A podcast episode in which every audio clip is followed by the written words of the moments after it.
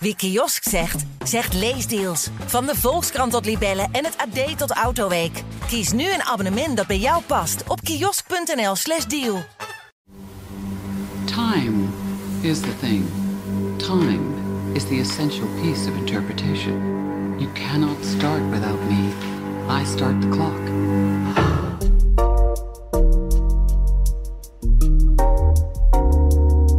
Welkom bij Culturele Bagage, de wekelijkse podcast van de Volkskrant, waarin we je bijpraten over nieuwe series, films, boeken en popculturele gebeurtenissen die het maatschappelijk debat bepalen of jouw blik op de wereld kunnen veranderen. Mijn naam is Esma Linneman en vandaag gaan we het hebben over door de critici bewierookte film Tar. Tar gaat over een zeer grensoverschrijdende chef-dirigent Lydia Tar, een fictief personage dat griezelig briljant wordt vertolkt door actrice Kate Blanchett. In Tar zien we hoe groot de macht van een maestro kan zijn ten aanzien van het orkest en hoe die macht leidt tot onderdrukking, misbruik en uiteindelijk een totale ondergang van een genie. In een nogal kille wereld waarin het eigenlijk alleen maar om presteren lijkt te gaan. Tar viel opvallend genoeg buiten de prijzen bij de Oscars afgelopen zondag, maar won wel menig ander beeldje onder meer een Golden Globe en een BAFTA voor beste actrice. En wat het meest opvalt is dat recensenten over de hele wereld unaniem zijn in hun oordeel over deze film. Dit is de beste film van het jaar, nu al. Ook in deze krant kreeg de film vijf sterren. Filmcriticus Kevin Thomas schreef: Tar is een meesterwerk dat eerder een wereld is dan een verhaal en dat minutieus de regels en afgronden van de macht verkent. Nou, heel veel lof dus, maar ook kritiek. Want de vraag die ook uh, is opgeworpen de afgelopen weken: is het eigenlijk wel fair om een vrouwelijke dirigent als dader en misbruiker neer te zetten? Als het in werkelijkheid vooral mannen zijn die zich in deze sector schuldig maken aan grensoverschrijdend gedrag. En hoe realistisch of eerlijk is eigenlijk Tar in zijn verbeelding van de wereld van klassieke muziek? Nou, over die verhouding van kunst tot de werkelijkheid en ook over machtsmisbruik door vrouwen, daarover ga ik vandaag doorpraten met onze kerstverse chef kunst, Herin. Yes. Welkom. Dank. En ook onze ehm, muziekjournalist eh, op het gebied van klassieke muziek, Marlijn Kerkhoff. Welkom. Of moet ik je anders aan eh? Nee, dat, dat, dat is goed. Ja, dat knip ik er wel even uit. Ja, is juist leuk. Oké. Ik wil ook nou, vaak, dat knip ik eruit, is ook wel fijn Ja, als dat er gewoon eens een keer in blijft. Oké, het blijft Ja. erin, jongens. Ja, nou, dan, eh, dan gaan we gewoon door. Ehm, met jou, Erin, want jij hebt gisteren gisteren de Mhm. film gezien. Ja. Wat was jouw eerste indruk? Hoe heb je hem beleefd? Wat heb je allemaal gezien en Ja. ervaren tijdens deze bijna drie uur? Ja. Hele lange film. Geen last van gehad. Nee, ik vond hem super fascinerend. Echt, eh, echt heel, heel boeiend van begin tot het eind. En ook heel veel ideeën aanreikend van eh, inderdaad hoe je over macht kan nadenken. Dus ook niet, niet heel anekdotisch, maar meer ehm, ook wel intuïtief of, of impliciet. Het is een hele fascinerende verkenning van de machinaties van de macht. In, op allerlei manieren. En, en, en heel veel vragen worden natuurlijk gesteld over van moet je een, een eikel zijn als je een genie bent? Is dat, is dat een voorwaarde voor uitblinken in de kunst, voor genialiteit? Eh, of word je misschien een eikel gemaakt als je er in, in bepaalde structuren Of een aan de top eikelin in dit geval. Ja. ja, ja. Laten we even genderneutraal eh, eikel gebruiken. Ja, Is dat een genderneutrale Ehm, term, eikel? Want, of denk je dat nou. het echt over het nootje gaat? Nee hoor, Als gewoon, het- ja, dat, in deze context gebruikte ik hem genderneutraal. Ja, oké. Ja. Ehm, nee, dat. Dus heel veel eh, interessante suggesties. Het is ook niet een film die antwoorden geeft natuurlijk, maar heel erg eh, echt onderzoekt en, en inderdaad verkent van hoe werkt, hoe werkt dat? Eh, waar word je toe gemaakt of zo? Dit moeten we Want zonder te veel te spoilen, ja. Wat is het verhaal? Wat, Ja. Waar kijken we naar? Eh, een, een, inderdaad een chef-dirigent bij een belangrijk eh, Duits eh, orkest. Daar gaat Marlijn vast me straks meer over vertellen. En je ziet, je ziet aan haar leven, en we weten eigenlijk niet zo goed, heel lang gedurende de film weten we niet waar zij vandaan komt, hoe ze daar gekomen is. Maar je ziet dus dat ze het soort leven leidt van de, ook van de superrijke, van een soort sterren ook. Met een privéjet en een, een krankzinnig appartement in Berlijn. En alles is heel functioneel en, en mechanisch bijna. Heel kil ook. Het is heel kil in Ja. beeld gebracht allemaal. Dus het is een mega rijkdom.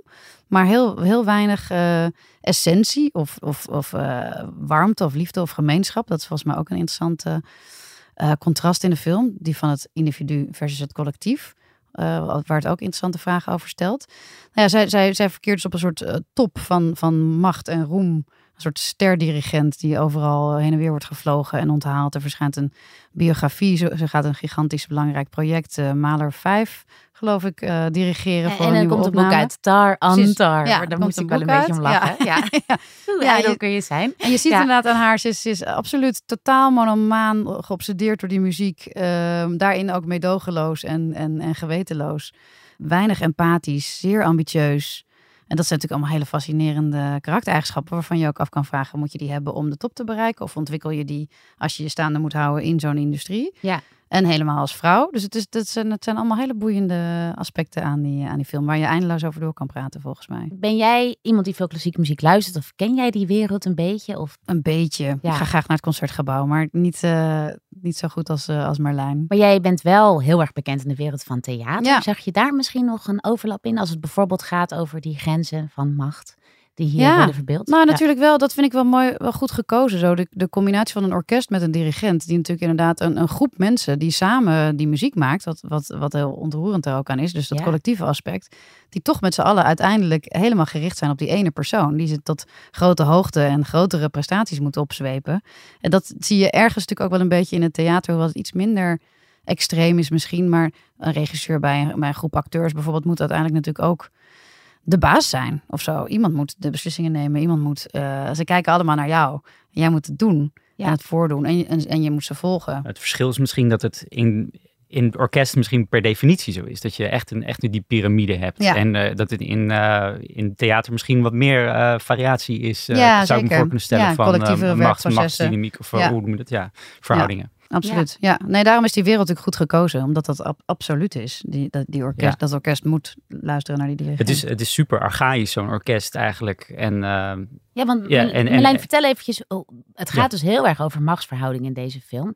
Hoe, hoe zijn die nou in het echt in de klassieke wereld? Is het echt zo dat, nou ja, de maestro of de maestra, ik geloof dat je dat toch ook wel kunt zeggen, eh, dat ja, woord? ik gebruik dat woord echt alleen in, eh, met, een, met een licht ironische ondertoon, dat woord. Hoor. Het, is, het is natuurlijk een tv-programma dat dat ook zo heet. Ja. Nee, maar goed, ja. De chef-dirigent moet De je zeggen. maar Ja, hoe hiërarchisch is het nou eigenlijk daar precies? En ja, hoe- dat is, eh, ehm, het is niet zo dat, dat een chef-dirigent alles bepaalt. Wel natuurlijk tijdens een repetitieproces en tijdens een eh, eh, concert. Dan is het, is, is het gewoon de, de eindverantwoordelijke en eh, wordt iedereen geacht eh, naar diegene te kijken. Ja. Nou, dat doen ze in werkelijkheid ook vaak met het half oog, want je moet als muzikus ook nog je, je, je bladmuziek lezen.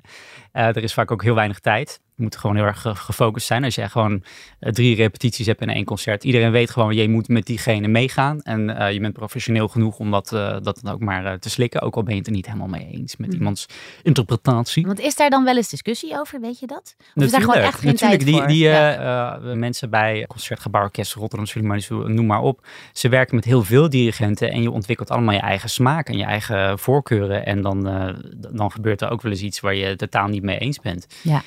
Het zijn vaak zeer uitgesproken mensen, muzici. ja, die ze ook hun eigen ideeën hebben. Maar daar is wel ruimte voor. Ja, maar als je het hebt over de chef-dirigent, van hoe bazig eh, is hij nou? Kijk, het is. ehm, want iemand komt, als je geluk hebt als orkest, eh 14 weken of 10 weken bij één orkest tegenwoordig. Hè. Het is al lang niet meer zoals in eh, de, de jaren 20 dat een orkest heeft één dirigent. Die is er altijd.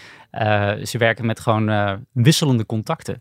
Het is eh vreemdgaan eh, tot en met eigenlijk. En dan is er ook nog de assistent-dirigent, associate conductor, laureate, weet ik veel. Ze verzinnen allemaal titeltjes. En het is ook in Nederland dus niet zo dat een chef-dirigent bijvoorbeeld eh programma maar zo, zo even bepaalt. Want Zo dat is in het de film wel, samenspraak. Ja. Ja. dat zij echt de absolute eh, ehm, dictator is van deze club. En ja, dat is zo interessant. Dat Lydia Tarr tijdens een repetitie bepaalt ze nog even van... Ah, we gaan eigenlijk een heel ander programma doen. Eh, we gaan nog even Elgar cello concert eh, spelen. En eh, dan brengt ze het zo'n beetje soort alsof het een stemming is. maar want- uiteindelijk heeft ze het al bepaald, weet je wel? ja, ja, ja. En dat vond ik ook wel interessant als je het over macht hebt en over vrouwen, weet je wel. Zij manipuleert natuurlijk heel erg. Maar in een zin die ik eigenlijk een beetje clichématig met vrouwen in verband wordt gebracht. Ja, dus nee, in het werkelijkheid gaat de dirigent niet even bepalen van... eh hey, jij gaat dat, dat eh, soleren straks. Ja, want dat is eigenlijk de meest pijnlijke scène, hè? Als zij een andere als ik het goed zeg, een andere solist eigenlijk kiest. Dat gaat zo Kerstvers bij het orkest inderdaad. Ja, niet dus officieel in er is dus Ja. iemand op, eh, op proef. Nou, dat, dat, is, dat gaat natuurlijk ook echt, echt zo. Je, je bent eh, een jaar vaak, eh, als je een auditie hebt gewonnen, dan speel je mee. En dan op een gegeven moment bepalen ze van, ja, mag, mag diegene echt door? Ja, ja, ja. En waardoor, ja, je moet wel meegaan met de rest. Je kan niet in één sectie van een orkest tien solistjes hebben. Nee. Dus je wordt eigenlijk gedwongen iets ook van jezelf in te leveren in zo'n orkest altijd. Dat is ook iets waar, waardoor ik eigenlijk ook die wereld ook een beetje een soort... Ja, ik hou natuurlijk van de muziek, maar ook een beetje afkeer heb van, van die wereld. Want dit, dit zit er zo in natuurlijk. Je moet gewoon... Als je, als je een beetje anarchistisch ingesteld bent, dan, is dit, Mm. dan Ja. moet je dit niet doen. Nee. Weet je wel. Ja, Grappig, ja. dat lijkt mij ook echt wel heel erg lastig. Dat je eigenlijk je ego volledig moet inslikken. Tenminste, afgaan op deze film. Ja, ja, ja. Ik eh, vind het wel boeiend wat ja. je zei inderdaad over haar positie. Dat wat er gebeurt, je ziet inderdaad een paar eh, repetities hè, met dat orkest. Waarbij zij inderdaad totale toewijding eh, van het orkest eist en ook krijgt. En dat, dat de film ook een beetje de vraag stelt van als je dat op die momenten dan 100% kan verwachten. Hoe, hoe hou je de balans? Kun, kun je dat dan... Kan je jezelf dan inhouden in de rest van je leven of de rest van de tijd? ja, Dus ja, of ja. je niet dan toch datzelfde mechanisme overal op gaat toepassen, als het ware. En dat is Mhm. een beetje bij haar eh, aan de hand, volgens mij. Ja, want Erin, we zien hier dus eigenlijk een vrouw die misbruik maakt van haar positie. En ook op een seksuele manier misbruik maakt. Ik ga niet te veel spoileren, Ja. maar dat wordt in ieder geval Gesuggereerd. gesuggereerd. Ja, ja, ja, zeker. Ja. En op allerlei manieren mensen ja, op subtiele of minder subtiele wijze kleineert of eh, manipuleert. ja. Herkende jij iets, iets van, Ah, bij mezelf. of oh, misschien iets bij, van vrouwen in je omgeving? Nou, wat ik wel grappig vind. Ik vond het interessant wat Merlijn net zei. Dat, dat manipuleren inderdaad. En, en jij zegt het ook, dat is waar. Maar ik had juist het gevoel, best gechargeerd hoor dan. Want wat zijn mannelijke en wat zijn vrouwelijke eigenschappen? Weet je wel, daar kunnen we ook over discussiëren. Maar ik Ja. had juist het idee dat eh, Lydia bij uitstek een vrij mannelijk personage is. Ze is weliswaar vrouw, maar ze gedraagt zich voor mijn gevoel... zoals we dat lang gewend zijn van mannen op die posities. Dus ambitieus, eh, meedogenloos, eh, weinig empathisch. eh, gaan voor de kill. Ze intimideert een klein schoolgenootje van haar dochter. Op een hele nare Daar manier. komt En ze nou zegt- echt heel erg goed in verplaatst. ja, snap ik. Ja. Zo zou jij het ook aanpakken als jouw kind Ja, zeker. werd. En ze Ja. kondigt zichzelf dan ook aan als de vader van dat kind. Dat vond ik ook opvallend. Dus het is ook alsof zij zelf ook al een bepaalde... Ik denk ook vanuit haar ervaring. Er wordt natuurlijk in die orkestwereld... Ze wordt de hele tijd geconfronteerd met allemaal grote mannen. Mannennamen, beroemde dirigenten, beroemde componisten. Allemaal mannen die ook wel dingen op hun kerfstok hebben. Ja. En zij is helemaal gemarineerd in dat denken of zo. En ik heb het idee dat ze... Het kan zijn, want de film doet daar geen uitspraak over... dat zij haar persoonlijkheid of haar gedrag ook op die manier heeft ontwikkeld. En, en, en als het ware inzet, omdat ze denkt dat dat moet. Zou zij dan misschien een soort queen bee met de office corner, eh, of corner office, hoe zeg je dat ook weer? Oh ja, ja, zijn. zo, zo. soort Dus zeg maar ja. een, een, een vrouw hoog in de top, Ja. eh, die daar is gekomen door zich heel mannelijk te gedragen. en gevoel nu eigenlijk beetje. voor andere vrouwen onveilig is. Precies, Want dat is, een, dat is een bekend type, zeg maar. Een beetje, vorige generatie feministen soms ook, hè? Dat, dat, die discussie.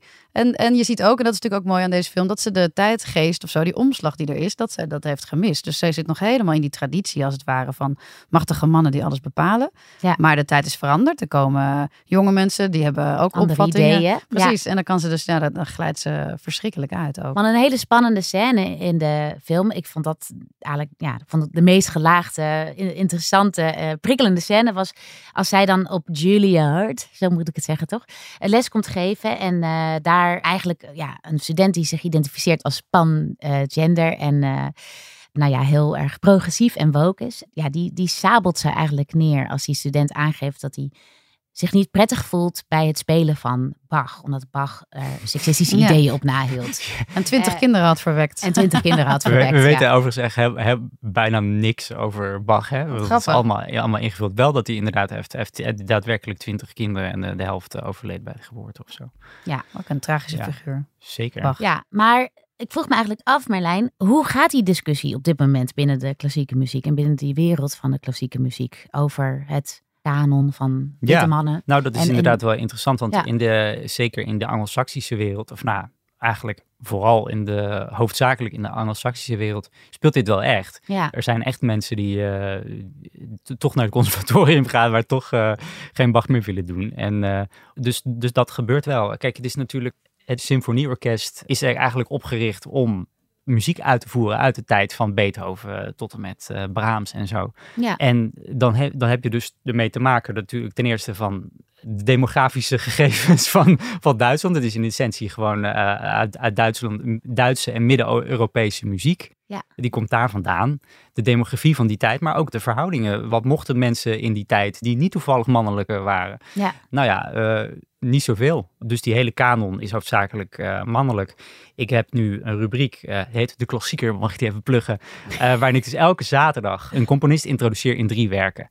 En nou ja, ik ben nu bij aflevering 8 of zo. En ik voel nu al van, oh shit, ik, voel iets op mijn rug meelezen van, ja, hij heeft nog steeds geen vrouw gehad. Maar de waarheid is, ik zou honderd afleveringen kunnen maken van dit uit het blote hoofd met uh, meesterwerken van, uh, van mannen. Maar er ook maar drie vrouwelijke componisten, waar wij dan ook drie stukken hè, op parate kennis, omdat je het vaak hebt gehoord, omdat je er ook heel erg van houdt. Dat is best wel een uitdaging. Ja, ja en er zijn dus heel veel mensen tegenwoordig die daar heel veel ongemak bij voelen. Nou, ik voel dat dus ook wel een beetje. Dus in de muziekwetenschap, in de orkestwereld, iedereen gaat natuurlijk nu op zoek naar Mhm. juist Nieuwe muziek talenten. van vrouwelijke Ja. componisten natuurlijk uit het verleden. Ja. Nou, dat is vrij, vrij schaars wat je ermee kan doen. Maar hedendaagse orkestmuziek, dan zie je van wat er nu wordt geprogrammeerd. Nou, vrouwen natuurlijk heel erg een, eh, eh, dat daar heel veel meer aandacht voor is. Ja, precies. De vraag die er, die er nog onder ligt ook in de film. Ook hè, als je het hebt over eh, Bach en dat eh, die, die twintig kinderen verwekken is dan misschien niet per se heel verwijtbaar of zo. Maar dus discutabel gedrag of, of, of een eikel zijn. Er, de, zit ook een scène in die gaat dan over Schopenhauer, filosoof. Die iets moois en belangrijks heeft gezegd. En natuurlijk heel belangrijke werken en al ons denken bepaald. Maar die heeft dan ook blijkbaar zijn vrouw van de trap ge- geduwd.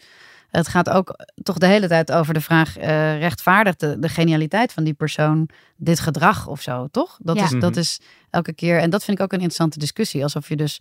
Ik denk heel lang was er zo'n soort opvatting over kunstenaarschap. Dat inderdaad, je moest een beetje een eenzame, rare, zonderlinge, egocentrische eikel zijn. om een echt briljant kunstenaar te zijn. En, en dat beeld van die, van die kunstenaar, dat is wel aan het kantelen. En volgens mij vinden we tegenwoordig dat dat niet per se meer hoeft. Dat je ook best een aardige persoon kan zijn die goed kan samenwerken. En desalniettemin toch behoorlijk geniaal kunt zijn. Ja. Maar dat besef en dat denken, dat is dan. Dat heeft soms als gevolg dat je inderdaad het kind met het badwater weggooit. En opeens besluit dan geen Bach meer te willen spelen. Wat dat natuurlijk eigenlijk ja, onzin is, vind ik. Ja, maar ik denk dan van, eh, je kan het onzin vinden, maar wat vind je ervan hoe zij de discussie beslecht met een student Oh nee, van die- de dat is van de leeftijd die nou, daar... Dat is super mooi, Ja. omdat zij inderdaad eh, du- duidelijk, nee, volgens mij zei ik dat net ook, van ze is zo gemarineerd in dat patriarchale systeem eigenlijk waarin ze opereert. Ja. En dat ze helemaal niet meer snapt dat er nu andere krachten en, en, en mogelijkheden van denken eh, zijn ontstaan en andere opvattingen en visies op die figuur. Of op de traditie van de klassieke muziek eigenlijk, waarin die zij nog helemaal met zich meedraagt en heeft geïnternaliseerd. Ehm, dat ze begrijpt dus niet dat, er, dat daar nu nieuwe visies op bestaan. En ze eh, inderdaad rekent op een buitengewoon agressieve, medogeloze manier met deze arme, kwetsbare student af. Wat natuurlijk ook weer, dat, Ja. is, dat is helemaal, En helemaal ze, is helemaal, helemaal ze lijkt ook helemaal niet geïnteresseerd Nee. eigenlijk in zijn eh, mening. Nee. Ja. Nee, ja, ik vond die scène eigenlijk een beetje. ehm, kijk, een, een, fi- een film hoeft natuurlijk helemaal niet realistisch te zijn. Maar ik ging dus naar de bioscoop met twee eh muzici Ja. uit het orkest. Caroline Strumpfler van het Concertgebouworkest en eh Marije Helder van het Radio Philharmonisch Orkest. En dat laatste orkest is dat interessant dat het het eerste moderne professionele symfonieorkest in Nederland dat nou juist een eh, vrouw heeft aangesteld als eh, chef-dirigent. Ja. Maar ik keek een beetje door hun ogen en die scène was zo, zo vers- verschrikkelijk onrealistisch. Juist natuurlijk omdat ze niet zo eh, begaan is, bepaald, totaal niet. Nou, dat, dat kan, maar het was één grote monoloog. En ja, ik vond het wel... eh, Heel verwarrend aan deze film is dat hij in heel veel opzichten doet alsof hij heel, heel precies en feitelijk is en heel Ja. waarachtig. Dus die wereld, die klassieke muziekwereld, wordt dit tot in alle tot de details namen van impresario's Precies, ja. aan toe, weet je wel. En eh, er heel ook suggestief, ja. heel, ja. of heel, eh, ja, heel expliciet. En dan, en dan de andere kant van de film is juist heel, eigenlijk heel abstract en, en, en ehm, impressionistisch. En een soort, we, we, we Ja. beginnen heel concreet in die klassieke muziekwereld en we eindigen in een soort rare waanzindroom of Ja. zo. En dat maakt het wel verwarrend, want je denkt, soms zit ik nou naar een Zo- realistische sowieso, weergave te inderdaad. Want wat, wat het, ehm, het- die film heeft dus geen Oscars gewonnen. Terwijl Boor Beekman, Kevin Thoma, eh, hè, onze collega's en alle filmcritici die prijzen de, de Over de hemel hele wereld. Over de hele hè? wereld, hè? Ja. Het is eh, echt Eh, unaniem, het oordeel. Maar Ja. het is, de film wil heel veel, maar is ook heel veel natuurlijk een beetje niet. Het is eh, psychodrama, het is een klein beetje thriller. Het heeft elementen van een zwarte komedie. Ehm, ik denk dat dat ook gewoon hè, het onduidelijke, eh, het pinpointen, dat is natuurlijk iets wat, wat, eh, wat critici over het algemeen fantastisch vinden, maar misschien waar een heel groot publiek moeite mee kan hebben. En misschien de, meeste van de Oscars ook. Nou, in ieder geval vonden ook mensen binnen de wereld van de klassieke muziek sommige scènes of zelfs de hele film een beetje moeilijk. Bijvoorbeeld als ik het goed zeg, is zij ook chef-dirigent, uh, Marin Alsop. Ja, Mar Marin Alsop. Alsop. En uh, zij heeft zich in een interview echt heel kritisch uitgelaten over de film. Uh, dat kwam deels omdat zij eigenlijk zichzelf een soort van herkent in de fictieve uh, hoofdpersoon. want zij is ook lesbisch, zij heeft ook een kind met een partner. zij geeft ook les op een gerenommeerd uh, conservatorium. En tegelijkertijd uh, is zij dat natuurlijk helemaal niet. En zij zei: De film is slightly dangerous because people may get confused about what's real and what's not. Dus juist omdat zoveel elementen heel erg lijken op mensen in het echte leven. En er zoveel aan name dropping ja. wordt gedaan. En tegelijkertijd uh, er een beeld wordt geschetst wat eigenlijk niet overeenkomt met de realiteit. Ja. Vindt zij dat moeilijk? En nou, ik vroeg me af, wat vinden jullie daarvan? Van nou, ja, ik, ik, denk dat uh, precies ook de, de, de, reden waarom ik dacht van, nou, het is goed om nog even met orkestmuzici te praten hierover. Is dit is zo'n beeldbepalende film. Uh, en je hebt het over een kunstvorm die, uh, die een beetje in de verdrukking staat. Nou, we hadden het net al van, zeg maar, de, de linkerzijde, een soort aanval, een, nou ja, een aanval op de kanon. Ja. Wat, wat niet per se heel slecht hoeft te zijn. Hè? Ik bedoel, het kan hele mooie dingen opleveren. tijden zijn het. Ja. maar natuurlijk ook vanuit rechtspopulistische hoek wordt, staat klassieke muziek onder druk. er mag geen cent meer naartoe. Het is een linkse hobby. Um, en nog uh, daaraan toevoegend, diezelfde Main Alsop, die had er dus ook heel veel moeite mee dat er dus een vrouw eigenlijk als dader, uh, als misbruiker wordt neergezet.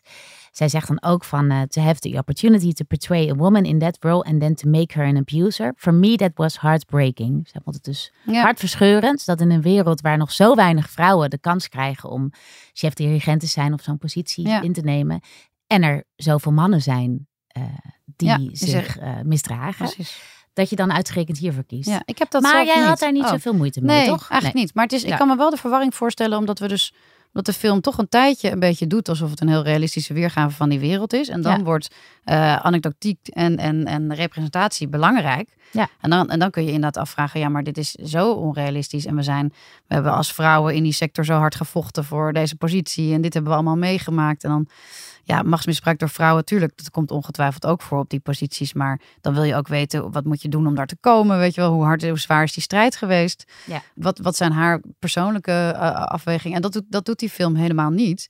Maar omdat hij dus zo gedetailleerd en zo precies in die wereld is gesitueerd, ga je toch een beetje denken dat het echt is. Ja, of wie is dan wie? Ja. Of hoe? En tegelijkertijd denk ik nee, want uiteindelijk vind ik het dus zo'n die rare uh, trip van haar, die, die nachtmerrie waar ze in belandt en die degeneratie die we met haar meemaken als het ware. Die vind ik op de een of andere manier zo fascinerend en universeel dat het helemaal niet meer uitmaakt of het een man is of een vrouw. Ja. En, en, en ook dus haar eigenlijk ambiguë optreden daarin. Met, met veel verschillende uh, karaktertrekken. Plus, ik denk ook een uh, deel van wat we graag willen, denk ik, in, in de feministische strijd, is dat, uh, dat we hele interessante, gelaagde, ook kwaadaardige en kwaadwillende vrouwelijke personages zien. Ja. We willen meer interessante vrouwenrollen. Dan heb je ook vrouwelijke bad guys. En, dat, en die heb je natuurlijk. Dus dan denk ik, ja, nee, graag. En ja, nee, Kate Blanchett dat, zien spelen, ja. alleen maar leuk. Ja. wat, wat ik een, wat ik een heel interessante opmerking vond van uh, Marije Helder, dus altviolist in het Radio Philharmonisch Orkest. Zij zei, uh, ja, juist doordat ze uh, voor een vrouw kiezen, vind je eigenlijk wat ze doet, uh, als, ze, als het een man was geweest die dit allemaal dat had gedaan, ik moet natuurlijk niet te veel spoileren, zouden we, dat, zouden we er misschien niet eens zo van hebben opgekeken. Zouden we het niet eens zo erg hebben gevonden, want zij heeft niet, uh, zoals James Levine, die dirigent was bij de Metropolitan Opera, kinderen misbruikt. Of, um, dat vond ik wel een interessant punt. Dat juist omdat het een vrouw was, het machtsmisbruik meer aan de oppervlakte kwam. Nou ja, dan, dan zie je, zie je wat, wat zij doet is eigenlijk al heel erg. En, ja. ja. en uh, als het een man was geweest, dan, uh, dan zouden, we er, uh, zouden we denken van nou, kan erger. Maar, mm. want ik vroeg me wel nog af van deze film gaat natuurlijk over grensoverschrijdend gedrag en over macht. Hoe zit het nou eigenlijk met laten we zeggen, de MeToo-revolutie in deze wereld van de klassieke muziek? Nou, er zijn best wel wat mensen, uh, mannen dus, uh, van een voetstuk gevallen. En uh, mensen, ja, al dan niet juridisch aangeklaagd. Ja. Placido Domingo is bijvoorbeeld een voorbeeld. En we hadden natuurlijk Daniele, Daniele Gatti bij het Concertgebouworkest in ja. 2018, die ja, onoorbare dingen zou hebben gedaan en uiteindelijk is weggestuurd. Maar je ziet dat in de meeste landen uh, die mensen toch nog wel mogen spelen. Ja. In Nederland zijn we iets uh, um, progressiever misschien toch dan in eh, Duitsland of in Oostenrijk. En zeker dan Italië, want eh, daar, daar eh, Daniele Gatti en Placido Domingo zijn nog overal welkom. Ja, en in Nederland niet. En maar in Nederland niet. hebben we Pieter Jan Leusink. In Nederland hebben we Pieter Jan Leusings, misschien toch wel van een andere orde. Nou, eh, er was een onderzoek van eh, Brandpunt eh, Plus een paar jaar geleden. Ja. Lang verhaal kort te maken, hij zou zich niet zo eh, plezierig hebben geuit richting vrouwen en ook vrouwelijke muzici tot seks hebben, uit, Ja. uit- tot seks hebben verleid in ruil voor een betrekking. Ja. En er is een uitspraak van het College van de Rechten van de Mens. Ja. Ja. Dus dat is een van de bijzondere situaties dat er nou zo'n uitspraak is. Ja, maar het viel me op omdat hij eigenlijk wel heel lang, ook na die uitzending, ehm, ja, door heeft gedirigeerd. En er ook allerlei dat is advertenties, waar, zelfs in onze ja. krant nog Ja. tot Ja. heel voor kort, naar mijn gevoel, zijn Ja. verschenen Nou, over die, en die Terwijl die uitzending heel stevig was. Ja, dat die advertenties staan er, stonden er dan eh, nog wel, maar dan eh, niet meer met zijn hoofd in. Ja, weet ja, je wel? Maar ja, het was ja. toch wel duidelijk zijn, eh, hij dirigeerde nog. En op een gegeven moment eh, kwam die uitspraak, dirigeerde die ook niet meer. En nou dirigeert hij toch weer wel. Ja. En er gaat, hij trekt dus nog steeds volle zalen. Precies, want ja, het publiek. Het publiek maakt het, maakt het toch kennelijk eh, niet zoveel uit. En we zijn ook op reportage geweest in Hamburg, waar eh Placido Domingo, die eigenlijk al eh, al- als zanger echt wel aan het eind van zijn Latijn is. Maartje Stokkers ging daarheen en iedereen was, eh, de- de- je merkte er helemaal niks van. Dat is Alsof er nooit wat gebeurd Het element was. van heldenverering en, en grensoverschrijdend gedrag. Ja. Dat we ook niet willen dat die helden vallen soms. Nee, ja, nee. en sommige mensen zijn dan misschien, eh, hebben dan het geluk dat ze misschien te oud zijn ook. Hè? Dat we ze niet meer eh, aanpakken. Nou ja, ik denk als ik ook naar die film kijk, uiteindelijk gaat eh, machtsmisbruik ook over een systeem. Niet Ja. alleen over een individu, Zeker. eh, toch? Want er is dus een systeem waarin iemand zich ook Absolute zo kan macht gedragen. krijgt, Hoe ja, kijken jullie precies. daarnaar? Ik bedoel, en is dat systeem dan genoeg aan het veranderen in de klassieke muziek? Ja, ik, dat, dat vraag ik me af. Er zijn een paar eh, jaar of zes geleden is er een, eh, een club opgericht die heet Pinarello. En die wilde, per se, die wilde het allemaal anders doen. Ja. Dat is een, eh, een soort orkest zijn, maar dan zonder dirigent. En alles uit het hoofd spelen en eh, democratischer. Maar ja, iedereen komt toch uit die orkestwereld en neemt toch dingen ervan over. En uiteindelijk is het toch een beetje... eh, die, die machtsverhoudingen zijn er toch altijd. Ja, ook omdat je op de scholen natuurlijk ook zo bent onderwezen. Geïndoctrineerd eigenlijk ja, eigenlijk wel. Dus Ja. dat duurt misschien nog wel even Ja. een tijdje. Het is ook wel dat- interessant dat die film toch iets probeert, denk ik, toch een lans probeert te breken, ook voor ensemblewerk en juist de kracht van het collectief en het democratische. Ja. Het Een paar, paar eh, veelzeggende scènes. Het begin is natuurlijk heel opvallend, dat we eerst een paar minuten naar de aftiteling gaan zitten kijken. Ja, die ook nog eens volgens mij echt begint Ja, met, met de met aller- mensen die één keer koffie hebben Precies. geschonken ergens bij een... eh, Ja. ja. Al die Ja. mensen die nodig zijn eigenlijk Ja. voor het maken van zo'n film. Dat Ja, dat dus vond duidelijk ik heel mooi. een groepsproces is. Ja, Ja. eh, echt heel, heel goed. Ja. En er zit een mooie scène in waarin ehm Lydia Tar met haar dochter praat. Die een soort opstelling van haar knuffeldieren heeft gemaakt. Van met een dirigent ervoor. En allemaal knuffelbeesten die dan het orkest zijn. En zij zegt, ik geef ze allemaal een stokje. Dus ze gaan, ze gaan allemaal dirigeren. En dan zegt Lydia Tar, zegt, nou schatje, het is geen democratie, weet je wel. Ze kunnen niet allemaal dirigeren of zo. Ja. Dat is toch, dat je voelt van, ja, deze film wil misschien eigenlijk wel zeggen dat we dat... Misschien Dat- wel kunnen. Ja, Maar dat we dat moeten gaan dat onderzoeken. we dat moeten dat gaan leren. kan. Precies, Ja, omdat we vastzitten in systemen die ons toch een beetje brengen naar die ene, dat ene geniale individu die de boel moet Ja. bestieren. Ja, en in die Champions League, zeg maar, precies, hè, waar we dan, waar Ja. toch de genialiteit eh, ja, het meest leidend is. Ja. Maar ja, dat blijft lastig, hè? Want Ja, maar goed, het is, het is de kunst dus om een orkest als één te laten spelen, weet je wel, als één te laten klinken. Een hele groep violen, 16 violen die precies met dezelfde intensiteit, dezelfde Mhm. strijkvoering, dezelfde vibrato, weet je wat, dus je ziet al die stokken. het is wel, wel een mooi voorbeeld. Als je naar het Concertgebouworkest gaat, dan zie je dus die, eh, nou ja, me- mensen strijken wel gelijk. Heel, ik bedoel, het is, het is een, een van de toporkesten ter wereld. Maar dan zie je bijvoorbeeld daarna de, de Wiener Philharmoniker en dan is echt tjak, tjak, tjak. oh ja, Dat is, ja. fit, dat is nog preciezer. super strak. En ja. dat is, bedoel, dat heeft natuurlijk gevolgen voor de klank. Het is een andere cultuur. Maar Ja. dat zit er in Nederland toch een beetje. Het heeft ook met de zaal te maken, hoor, met de akoestiek. Oké, die, die, dat, dat weet ik ook. Maar toch ook een beetje anarchistische dat ja, er ja, in ja, ja. Nederland wel hebben. Ja, maar dat we weten dat het toch niet helemaal kan. Ja. En dat het daar toch wat ja, machinaler Maar we zeggen natuurlijk ook helemaal niet dat de, dirigent weg moet of zo. Of dat het zonder die positie zou moeten kunnen. Maar wel denk ik na- naar dat je moet kijken naar hoe die macht natuurlijk doorwerkt. Nou, En- dirigenten moeten stoppen met klootzakken te zijn. Nou, dus ja. dat lijkt me duidelijk. Goeie, dat lijkt goed. me ook een hele goede, Goeie eh, uitsmijter. uitsmijter voor deze aflevering. Dank jullie wel voor jullie komst naar de studio. Graag gedaan. Yes. En voor de luisteraars thuis, Star, ga die film zeker zien. Het draait op dit moment in de bioscopen en is echt ontzettend bijzonder en spectaculair in zijn vorm en inhoud. Uh, montage en redactie uh, worden gedaan door Tim Haagman, eindredactie door Corine van Duin. En wil je de Volkskrant nou steunen? Ga dan voor een abonnement naar www.volkskrant.nl slash podcastactie.